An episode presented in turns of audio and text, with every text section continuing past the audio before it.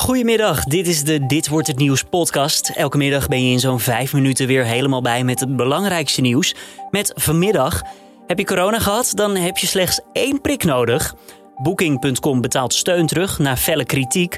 En een nieuw kabinet lijkt nog ver weg. Mijn naam is Julian Dom, het is vandaag vrijdag 4 juni en dit is de Nu.nl Dit wordt het nieuws middagpodcast. Mensen die al corona hebben gehad, hoeven maar één prik te krijgen van Pfizer of Moderna. Maakt niet uit of de besmetting al langer dan een half jaar geleden was en ook niet of iemand ernstige klachten heeft gehad.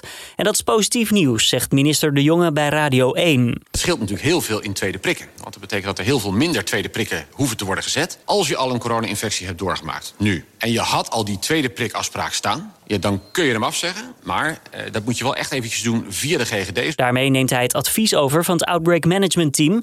De nieuwe richtlijn gaat meteen in en geldt voor de mensen die bij de GGD staan geregistreerd met een positieve testuitslag. Booking.com betaalt de Nederlandse coronasteun van 65 miljoen euro terug. Komt door de ophef die is ontstaan vanwege de 28 miljoen euro aan bonussen die zijn uitgedeeld aan de bedrijfstop. Je hoort minister van Sociale Zaken Wouter Koolmees bij de NOS. Ja, ik vind het eh, terecht, dat ik van de week al aangegeven in het debat. Ik vind het ook verstandig, omdat er ontzettend veel verontwaardiging over was. En begrijpelijke verontwaardiging over was. Uh, vanmorgen ben ik gebeld door, door het bedrijf, ook met deze mededeling. En daar heb ik ook dezelfde boodschap afgegeven. Booking.com zegt de situatie serieus te nemen en begrijpt dat de bonussen gevoelig liggen. En dan de formatiegesprekken, want een nieuw kabinet lijkt nog behoorlijk ver weg. CDA-leider Hoekstra gaf aan geen coalitie te willen met de PvdA en GroenLinks. Daar hadden Ploemen en Klaver weer kritiek op, want dat zou de formatie vertragen. Maar ook VVD-leider Rutte heeft die twee partijen liever niet in één coalitie. Zij weten dat Wopke Hoekstra en ik daar toch echt wel hetzelfde van vinden. Hè? Uh, dat we die combinatie, ja, dat we die twee partijen voor ons natuurlijk al op behoorlijke afstand staan. En die combinatie, dat we die echt niet uh, voor de hand vinden liggen. Integendeel, dat zeggen we eigenlijk allebei, dat weten ze ook. Dat betekent dat informateur Hamer nog een zware klus te wachten staat. Haar deadline van komende zondag gaat ze in ieder geval niet halen.